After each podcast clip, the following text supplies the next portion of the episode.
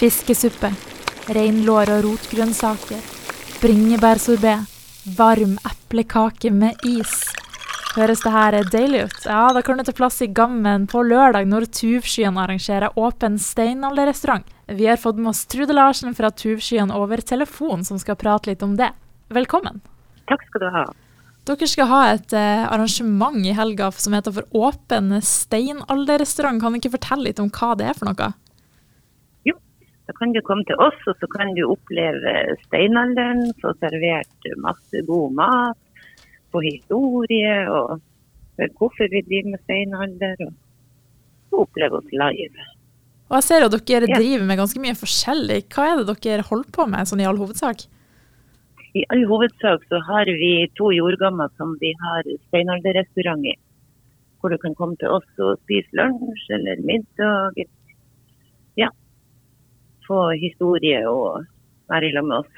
Hvorfor syns dere det er så artig å liksom ha arrangementer som er knytta til steinalderen og sånne ting? Nå er det jo sånn at uh, det er gjort funn her i Sarpsbrømmen som sier at vi er Norges nest eldste, har Norges nest eldste bosetting. Den har vi lyst til å ta frem og fortelle til alle som kommer hit. Da går vi i skinnklær når vi er på jobb ute i gammelen. Og prøver å få alle til å føle seg som en del av. Opplever dere at folk syns det er artig å liksom reise tilbake i tid? Ja, ja. det er kjempeartig. Og så blir det noe helt annet. Det blir en veldig uh, helt annen setting når du sitter inne i gamma rundt bålet. Du sitter på reinskinn og du kjenner luktene og du ser. Altså, ja, helt fantastisk. Må oppleves. Hvordan eh, type mat er det som blir servert nå på lørdag, da? Da er det fiskesuppe til forrett med fisk som er fiska rett utenfor kaia vår.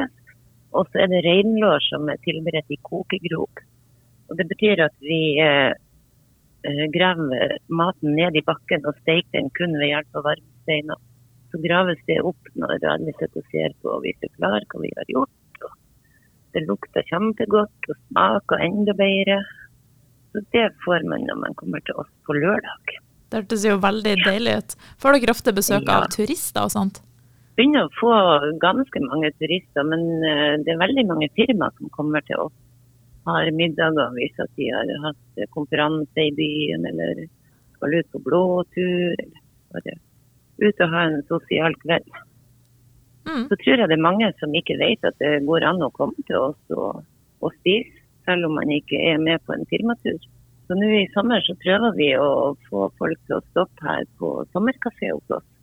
Og akkurat i dag så har jeg karrisei på menyen, jeg har fiskesuppe, jeg har hvalkjøtt, og jeg har tørrfisk, elg, kaka, is. Ja. Masse forskjellig. Det hørtes ja. jo kjempedeilig ut. Hos oss så kan du sitte med beina i vannet hvis du vil spise isen din. Det er ja. ikke så veldig mange plasser du kan gjøre rundt omkring.